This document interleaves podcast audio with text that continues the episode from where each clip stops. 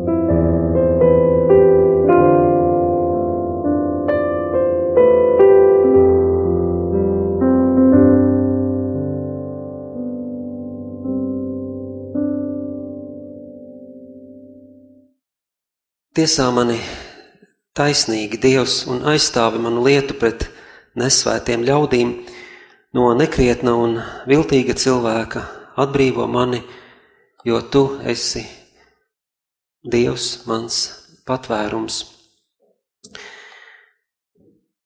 Šajā salmā mums varētu rasties maldīgs priekšstats, ka runa ir par kādu ļaunu uzbrucēju, un došiem, ka rakstot šīs dzējas rindas, kāds arī tā domā, bet mēs visi zinām, ka lielākais ienaidnieks sev mēs esam katrs pats, un ka šis nesvētais cilvēks, nekrietnais, viltīgais, no kā mēs vēlamies tikt atbrīvoti, mājo mūsos.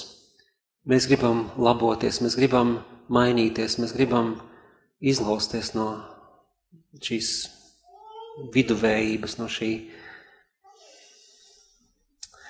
no šīs nepilnības, no šīs uh, samierināšanās ar mazāk nekā mūsu sirds liek vai kā mūsu sapņi sniedzas.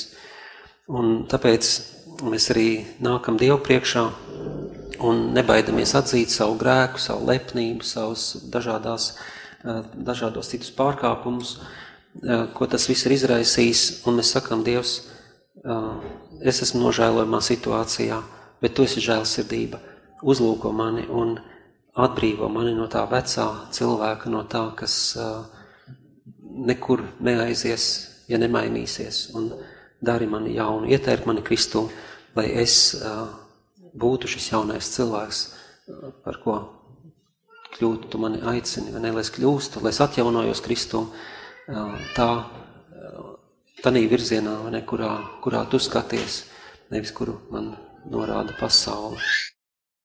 Tā saka kungs, kas pavēra ceļu pāri jūru un pār lielajiem ūdeņiem taciņu, kas izveda kaujas ratus un zirgus, karapulkus un varenus spēkus. Tie visi ir krituši un vairs necelsies, tie ir satriekti un izdzēsti līdzīgi daktī Nepieminiet bijušos notikumus un nedomājiet par sen pagājušām lietām. Rauk, es daru ko jaunu, un tagad tas parādās. Vai tad jūs to nepazīstat? Es veidošu tuksnesī ceļu un upes vientuļā stepē. Mani teiks lauka zvēri, šakāļi un strausi, ka es došu ūdeni tuksnesī un upes vientuļā stepē, lai ļautu padzerties manai tautai, manai izvēlētajai. Šo tautu es sev esmu izaudzinājis, viņi teiks manu godu.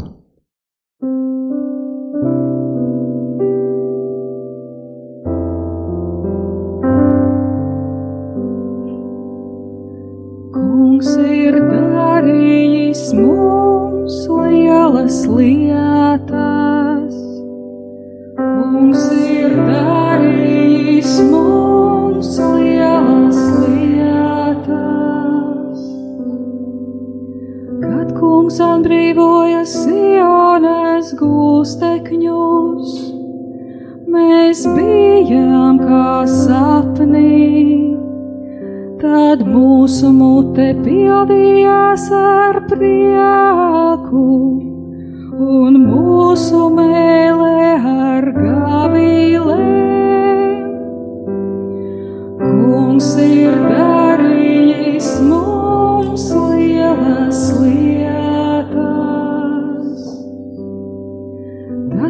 Tautas runāja savā starpā. Kungs ir darījis tiem lielas lietas. Kungs ir darījis mums lielas lietas. Mēs kļuvām līgsmi. Kungs ir darījis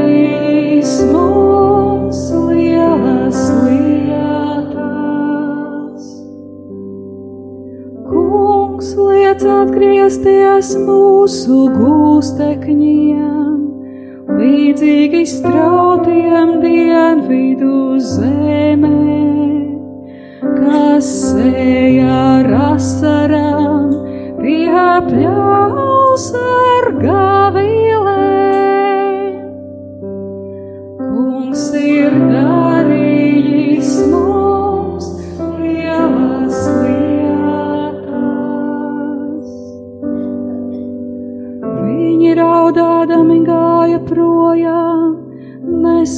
Sēklu sējai, bet atpakaļ viņi nāks ar gavilēm, nesot savus labības kuļus.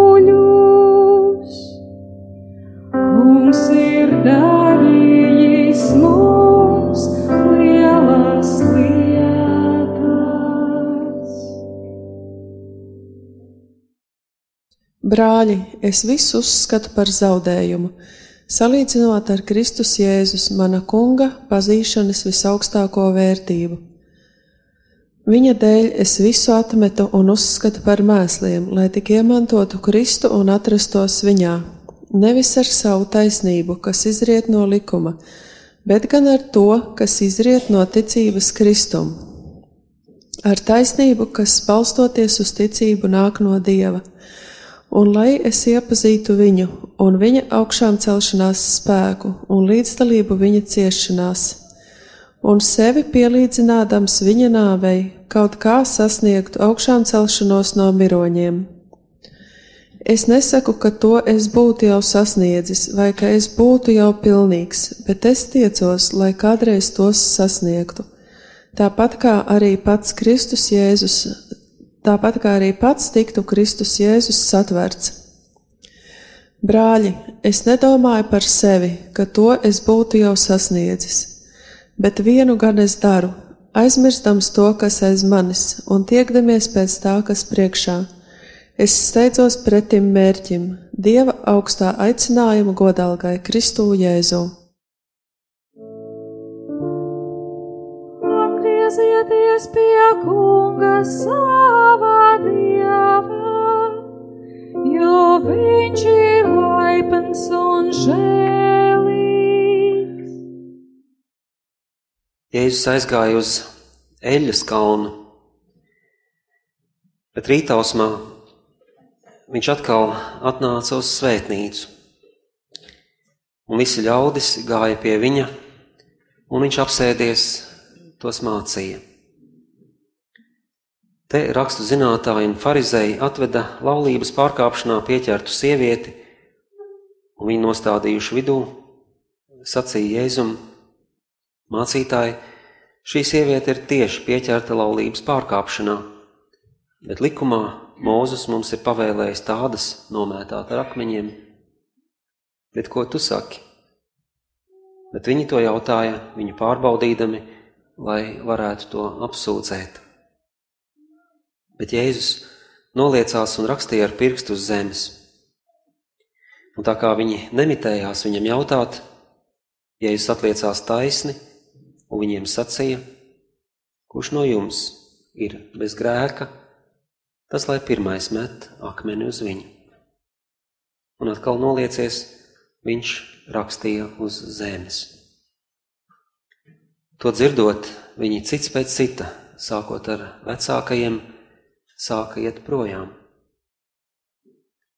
Palika Jēzus viens pats un sieviete, kas stāvēja vidū.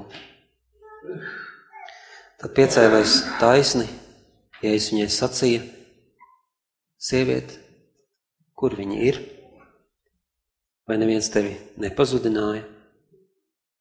Viņa atbildēja, nē, kungs, neviens. Tad Jēzus sacīja, arī es tevi netiesāju. Ej un negrēko vairs. Kungs, Dievs, atver mūsu sirdis Tavu vārdu labākai izpratnē, lai mēs caur to Tevi labāk iepazīstam un vairāk iemīlam. Šodien mums ir četri skaisti lasījumi, un pirmais ir no pravieša izsaja, tas tā sauktais otrais izsaja. Jūs zināt, ka ir trīs izsaja, un šis ir tas, kurš dzīvo Babilonas trīnas laikā, un situācija ir ļoti, ļoti nepatīkama. Viņi ir pazaudējuši savu zemi. Nabuhodonozors ir tāda veida valdnieks, kas aiz sevis atstāja pelnus, visu nodedzina, tautas izved trimdā un izredzes, ka viņi varētu kļūt brīvi, praktiski nav. Un, un pat ja viņi varētu izlausties tā kā teiksim, toreiz no mūsu vadībā no Eģiptes, kur viņi ies, viņiem ir priekšā Sīrijas tuksnes, vairāki simti kilometru, vienkārši tūkstneši. Viņi kā bēgļi visticamāk neizdzīvot šādā situācijā. Tā kā eh, situācija ir pilnīgi bezcerīga, mēs vēl zinām, ka Jeruzāleme ir nopostīta, tā kā nav pat īsti uz kurien atgriezties. Un tomēr, un, un tas ir tas skaistākais šajā, ir, ka Dievs, viņš runā par nākotni. Kad vienīgais, kur mēs varētu paslēpties, ir kaut, kādas, kaut kādi skaisti brīži pagātnē. Dievs saka, nedomājiet par pagātni, nedomājiet par sen aizgājušām lietām, nepieminiet bijušos notikumus. Es daru kaut ko jaunu, jums būs jauna pieredze. Un, protams, tas teksts varētu būt mazliet tā kā konfliktējošs, jo reizē viņš saka, atceraties, vai ne, kā es tur taču nu, uzvarēju, vai ne? Mēs tur tie, kas tur tie tika zirgi un kas tur tika kaujas rati un zirgi, tika satriekti. Bet tas ir, ja mēs skatāmies atpakaļ, tad vienīgais, ko mēs redzam, ir, ka Dievs ir bijis uzticīgs līdz šim. Tas ir vienīgais, kas mums pagātnē ir jāredz, ja mēs gribam skatīties atpakaļ ar domu, lai tas izgaismo mūsu šodienu. Un ja mēs skatām, Dievs Un faraons bija nik, niknāks par, par Nabuhodonozoru, jā, Babilonā. Tātad, ja toreiz es jūs izvedu, vienkārši skatieties uz to jauno, ko es darīšu. Es esmu uzticams Dievs, jūs nepaliksiet kaunā. Un ja kurš teiktu tādam pravietim, un es domāju, ka pravietis Isē dzirdēja nevienu vienu komplimentu pēdiņās. Un daudz droši vien teica, kā tu vispār drīksti uzdrošinies dot viltus cerību tautai, vai tu esi akls, vai tu esi prātu zaudējis. Un tomēr pravietis ir uzticīgs Dievam, un viņš saka, nē, Dievs saka, es daru kaut ko jaunu, es tuksnesī varu taisīt, taisīt uz, likt uzziedēt tuksnesim, es varu likt, likt lietumu sausā laikā un tā tālāk. Un tā, tā pravieša drīzāk atbild ir, cilvēkiem, kas viņam saka, vai tu neko neēdzi, pravieši atbild ir, vai jūs neko neēdzat, vai jūs nesaprotat, vai jūs joprojām neatpazīstat šo situāciju, vai jūs esat pārstājuši būt Dieva tauta, vai tad Dievs būtu no jums novērsies. Un uh, apsolījums tiek, uh, tiek at, atkārtots un tiek teikts, jūs vēl teiksiet manu godu.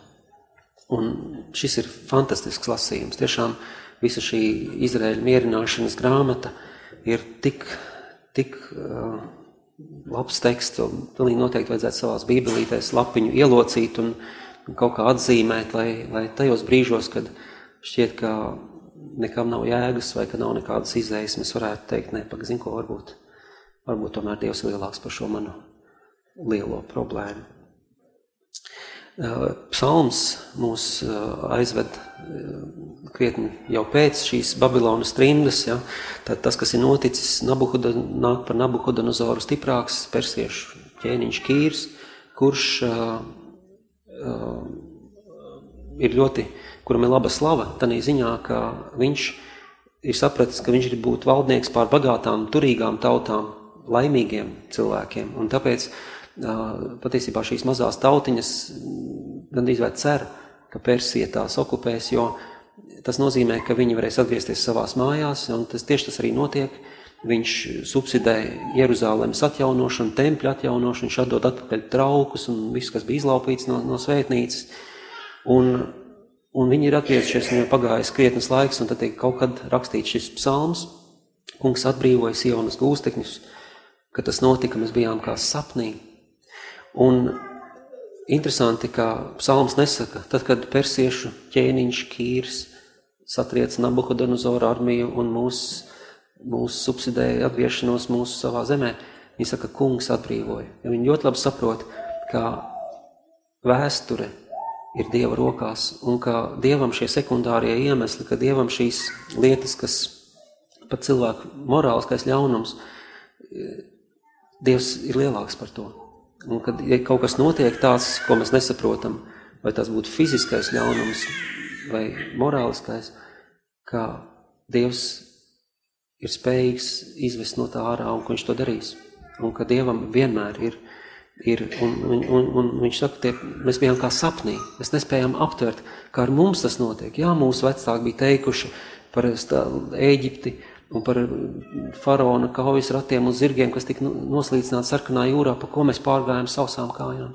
Jā, mēs to bijām dzirdējuši, jā, mēs tam ticam, loģiski, citādi mēs šeit nebūtu, bet Tagad tas sāk notikt ar mums. Un tas, tas brīdis, kad, kad tu esi kā sapnī, kad nespēji aptvērt, ka tiešām tu piedzīvo Dieva spēku, tu piedzīvo, Dievs ir ņēmis vadību pār kādu situāciju, Dievs ir, Dievs ir ņēmis kontroli pār to. Un tā ir nu, tas, tas prieks, kas piepildās, sākumā sirdis piepildās ar prieku, bet drīz vien arī šis prieks ir uz mūsu lūpām, un mēs kļūstam par šīs priecīgās vēsts nesējiem tālāk, un tad apkārtējās tautas, kā mums tiek teikts, runā savā starpā. Jā, kungs ir darījis viņiem lielas lietas, tāpat kā viņi runāja par šo kīru, tas ir labs valdnieks, jā, kaut nu viņš mūs okupētu, tad šeit ir vēl vairāk, viņi saka, jā, nē, tas ir Dievs, kurš, kurš dara lielas lietas, un, un, un mēs esam gatavi liecināt, tāpēc, ka mēs esam piedzīvojuši Dieva lielumu, Dieva labumu. Un, ja Izrēlī visi tie svētki bija uz radīšanu, uz iziešanu no Ēģiptes, no šīm visām atbrīvošanām, tad mūsu gadījumā, jaunajā derībā, mums ir tik daudz cita, par ko mēs skatāmies atpakaļ un nespējam noticēt. Vasaras svētki. Vai mēs negribētu piedzīvot jaunus vasaras svētkus baznīcā un pasaulē un Latvijā? Un varbūt mums šķiet tas tikpat bezcerīgi, kā viņiem atgriezties Jeruzālēmē. Un tomēr Mēs zinām, ka Dievs ir uzticīgs, un ja Viņš solīs izliet savu garu, Viņš to darīs. Vai mēs negribētu nomirt vecajam cilvēkam un augšām celties jaunam? Un tas, lai cik neiespēja mums šķistu, lai cik mūsu grēks šķistu kā pārņēmis varu pār mums, Dievs saka, es daru kaut ko jaunu. Un šobrīd tu tam neredzi, šobrīd tavs prāts un tavi draugi tavi tuvākie varbūt cenšas tevi atrunāt. Nu, nevajag, nevajag pārspīlēt, nu, ko tu tagad tu būsi svētais kaut kāds. Nu, nevajag. Vai arī tas taču nebūs prātīgi. Kaut ko tur citu. Un tu tomēr spēr to soli ticībā. Jo tas vienīgais darbs, kas no tevis tiek sagaidīts. Ticēt, nevis tu nevari nopelnīt to nekādā veidā. Tu vari tikai ticēt, ka Dievs darīs šīs lielās lietas. Un ja tu sagaidi, ka Dievs tās darīs, viņa rokas pēkšņi ir brīvas, un viņš var tās darīt. Un es tev garantēju, kādu dienu tu būsi kā sapnī, un tavs sirdi, sirds piepildīsies ar prieku, un, un tu liecināsi, un apkārtējās tautas teiks, jā, Dievs ir viņiem darījis lielas lietas. Jā, viņi raudādami gāja projām, nesot sēklu sējai, darīja kaut ko nenormālu, meta šos graudus zemē. Tas taču ir visticamāk aizies bojā, un tomēr Dievs ļāva uh, laist saknes un dzīt asnes, un te nu ir tūkstnesis pārvērties par ziedošu pļauju. Tā kā šī pieredze ir atkal un atkal no jauna, bet mēs atkal un atkal tai neticam un dzīvojam tādā, tādā nostalģijā par sen pagājušām lietām, jo kaut kas labs jau ir bijis, bet mēs aizmirstam, ka Dievs saka, neskaties, nepiemini šos laikus, bet ja tu piemini, tad tikai un vienīgi, lai izgaismotu šo jauno situāciju, šo tavu jauno bezcerīgo situāciju, lai tu jau tagad sāktu priecāties par to, ko Dievs darīs. Un tā var būt jebkura, jebkura lieta, kas šobrīd tevi iedzen tādā mērenā vai bezmērīgā depresijā. Un tālāk vēstuli Filipiešiem mums parāda Pāvilu, kurš bija apustuļu vajātājs un ir kļuvis pa lielu apustuli, un kurām mirklī viņā ir notikuši šī pārmaiņa, tas tad, kad viņš ir saticis Jēzu. Ja, un viņš saticis Jēzu, Jēzus uzdod viņam ļoti tiešu jautājumu, kāpēc tu mani vajā, bet tur nav pārmetuma, tur nav tiesāšanas. Ja. Jēzus atklāja Pāvilam, ka viņam ir lieli plāni attiecībā uz viņu. Un šī Jēzus žēlsirdība, šī savas nožēlojamības apziņa, cik dedzīgi viņš bija cīnījies pret Dievu, šis patiesības brīdis Pāvilu padara par pilnīgi jaunu cilvēku.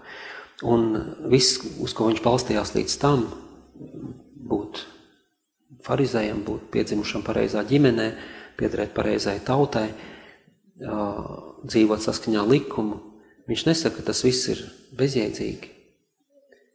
Bet viņš saka, tas viss ir tā kā saslaukas, tā kā tajā mūsu dzeltenajā kerherā, tur ir daudz tādi mazi, mazi puteklīši. Tas, jā, tā reiz bija daļa no manas ādas vai, vai no grīdas vai no paklāja, bet tagad tas ir puteklītis, salīdzinot ar to jauno kaut ko. Un Pāvils saka, es visu, uz ko es līdz šim balstījos, visus savus atskaites punktus, visu savu dzīvi, kādu es biju izveidojis, ar ko es lepojos, es to uzskatu par saslau par, par putekļu sūcēju, kā saka, saturu.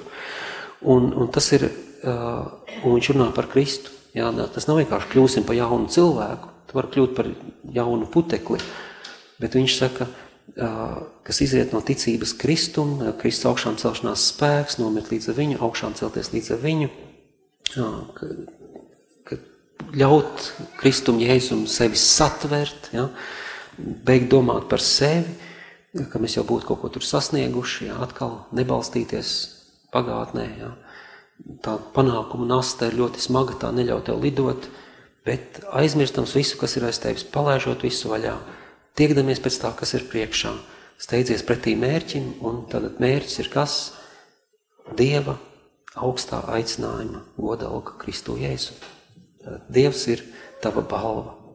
Un Un to mēs paši varam attiecināt ne tikai tādā sev personīgi, to mēs varam attiecināt arī uz ģimeni, uz draudzi, pilnīgi noteikti, ja?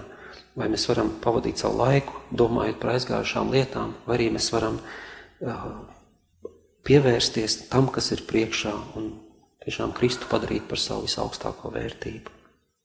Un visbeidzot, uh, evaņģēlijā mums ir uh, Jēzus, un tur jau tas ciešanu tuvums, eļas kalns tiek pieminēts un tā visa pretestība pret viņu un šī sieviete.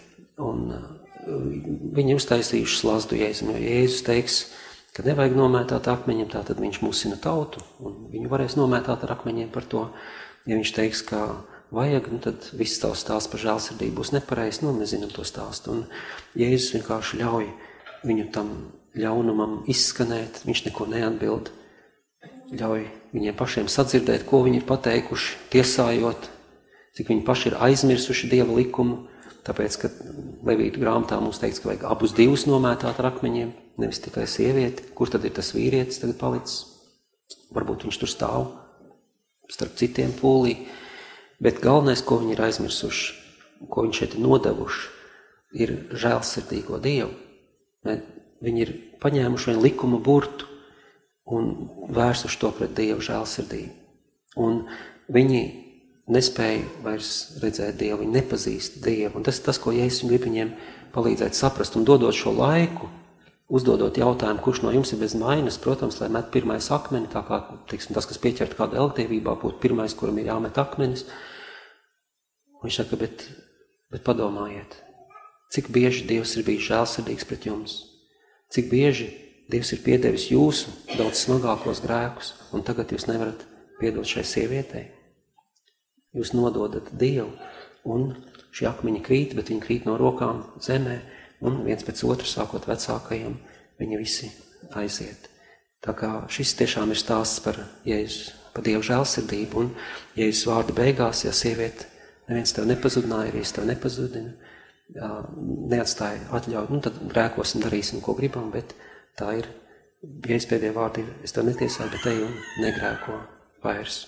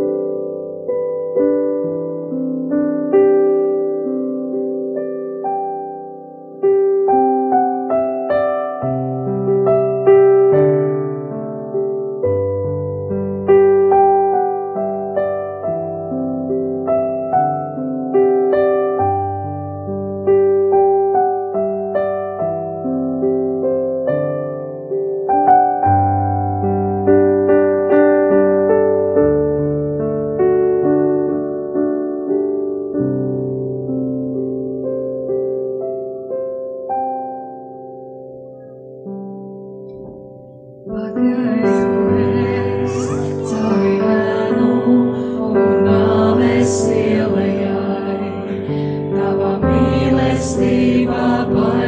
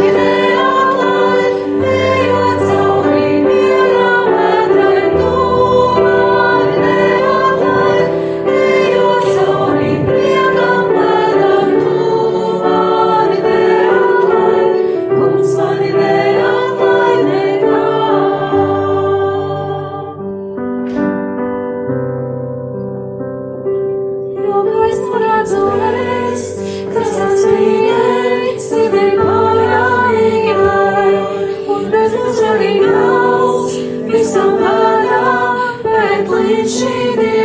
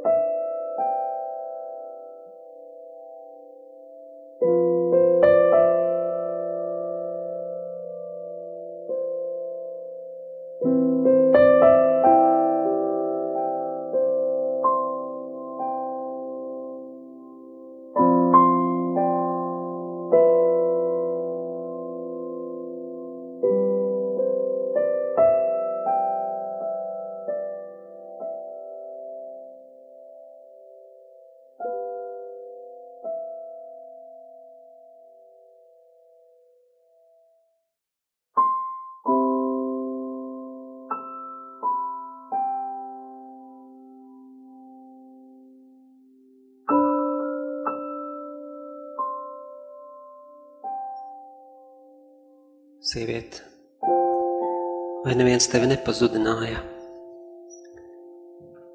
Nē, kungs, neviens. Arī es tevi netiesāju. Ej un vairs negrēko.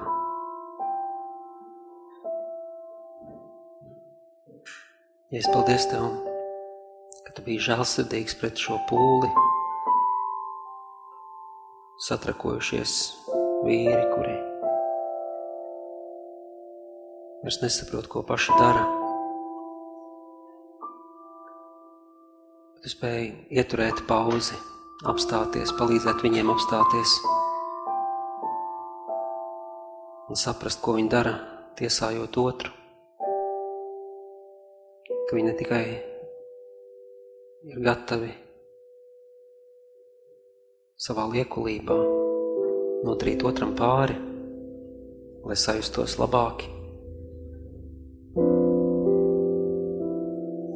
bet ka viņi visi nostājas pret tevi. Viņi visi nostājas pret žēlsirdīgo tēvu. Un mēs jau gribētu domāt, ka ir stāsts par citiem cilvēkiem, citā valstī un citā laikmetā. Bet šis stāsts bija patiesībā par mums, kas piekopjam šo latviešu nacionālo sportu, citu aprunāšanu, citu tiesāšanu, neskaitāmas reizes dienā. Pat ja mums nav kāds, kuram kaut ko sliktu pateikt par otru, mēs viņu tiesājam savā sirdī. Bet tad, ja es tu mums piedāvā to svēto brīdi, atelpas brīdi, kurā padomāt par to, cik lielu žēlsirdību mēs esam piedzīvojuši. Tādī, ka mēs varam stāvēt tavā priekšā, un kad mūs uzlūko nevis caur mūsu grēku, bet kad tu esi mūsu grēku aizmetis tik tālu, cik austrum no rietumiem. nesasniedzami tālu. Mums, kam tu esi atlaidis tik lielu parādu, ir tik grūti palaist vaļā kādu cilvēku, kurš ne tā uz mums paskatījās, vai ne to pateica, vai ne tā ir saģērbies. Tā vietā, lai palaistu vaļā šīs sen pagājušās lietas, kuras tu esi piedevis, kuras tu esi dzēsis, mēs tās velkam, velkam ārā un bojājam šodienu, gan pašiem, gan šiem cilvēkiem, gan citiem. Pat vairs neskatāmies uz gaišo nākotni, jo šodienas gaismā tā šķiet tumša, jo taču pasaulē ir tik daudz sliktu cilvēku, kas dara tik sliktas lietas. Un mūsos vairs nav prieka, mūsu sirdis novīst, izkalst, pārvērš pa tuksnesi jo tajās nav mīlestības.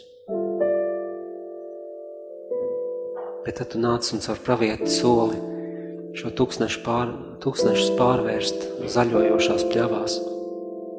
Tu soli no šīs grēka trimdas mūs atvest uz tēvī. Un pat ja mēs neredzam, kā mēs varētu kļūt svēti, kā mēs varētu nostāties uz šī pestīšanas ceļa pa īstam ar abām kājām, jo mums taču ir tik daudz citas lietas svarīgākas par tevi. Mēs tomēr šodien uzdrošināmies ticēt, ka tu neesi zaudējis cieņu pret mums, ka neesi zaudējis savu sapni par mums, ka tu joprojām gatavo šo pārsteidzošo nākotni, šīs lietas, kuras mēs šobrīd, kurām mēs nespētu noticēt, mūs kāds tās atklātu, Un tad, kad tās notiks, mēs būsim kā sapnī. Mēs to nekad nepiedzīvosim, ja mēs nepārstāstam turēt ļaunu savā sirdī. Tevī nebūs vieta tavam garam, tavai žēlsirdībai, tavai piedošanai. Nebūs vieta mūsos ja tās būs pilnas ar šo rūgtumu, ko mēs tik nevajadzīgi nesam līdzi. Un tāpēc, Jēzu, dari, lai šodien, sākot ar vecākajiem, beidzot ar jaunākajiem, kā evaņģēlijā teikts, bet pilnīgi noteikti mums visiem no rokām izslīd šie akmeņi. Lai mēs izņemam tos arī no mūsu somām ārā, to akmeņu kolekciju, par tiem desmit vai trīsdesmit cilvēkiem, kurus mēs nemīlam, un kuriem mēs metam ar akmeņiem nemitīgi, tos aprunājot un apsūdzot, un bez cerības raugoties uz viņiem. Izvelc no mūsu mašīnām ārā šos akmeņus, no mūsu mājām šos akmeņus ārā, un galvenais – izrauj to akmens sirdi no mūsu krūtīm un dod tās vietā dzīvu sirdi. Sirdi, kas spēj uzlūkot cilvēku ar cieņu, pat ja šis cilvēks pats ir zaudējis jau kādu pašvērtību. Dod mums šīs tavas acis, lai mēs redzētu cilvēkus, kā tu viņus redzi, ar mīlestību. Un atver arī mūsu acis attiecībā uz mums pašiem, lai mēs piedodam sev pašiem visu šīs daudzās kļūdas un grēkus, lai mēs esam žēlsirdīgi arī pret sevi. Un aizmirstot to, kas bijis, arī savus sasniegumus un panākumus. Kā svētais Pāvils dodamies pretī jaunajam, pretī tam, kas priekšā, kur esam pavisam citādi cilvēki nekā šobrīd kur mēs esam svēti starp svētajiem, kur mēs esam atpazīstams Dieva attēls savas tautas vidū, kur mēs esam pārveidoti mīlestībā. Un to var redzēt. Un sūta mums vairāk tādus praviešus, kas to atgādinātu. Dari, lai mēs paši sev esam par šo pravieti, kas viss drūmākajā noskaņojumā, visdziļākajā bedrē spējam pateikt. Es tomēr cerēšu uz kungu. Kungs ir bijis uzticams līdz šim. Viņa vārds ir uzticība. Viņš būs uzticīgs arī turpmāk. Dod mums Dievs šādu cerību, dod mums šādu ticību Tev un pār visam. Dod un palīdz mums pieņemt tādu mīlestību kā Tev. Amen. Tikko dzirdējām izskanam priestera Ronalda Melkera pārdomas.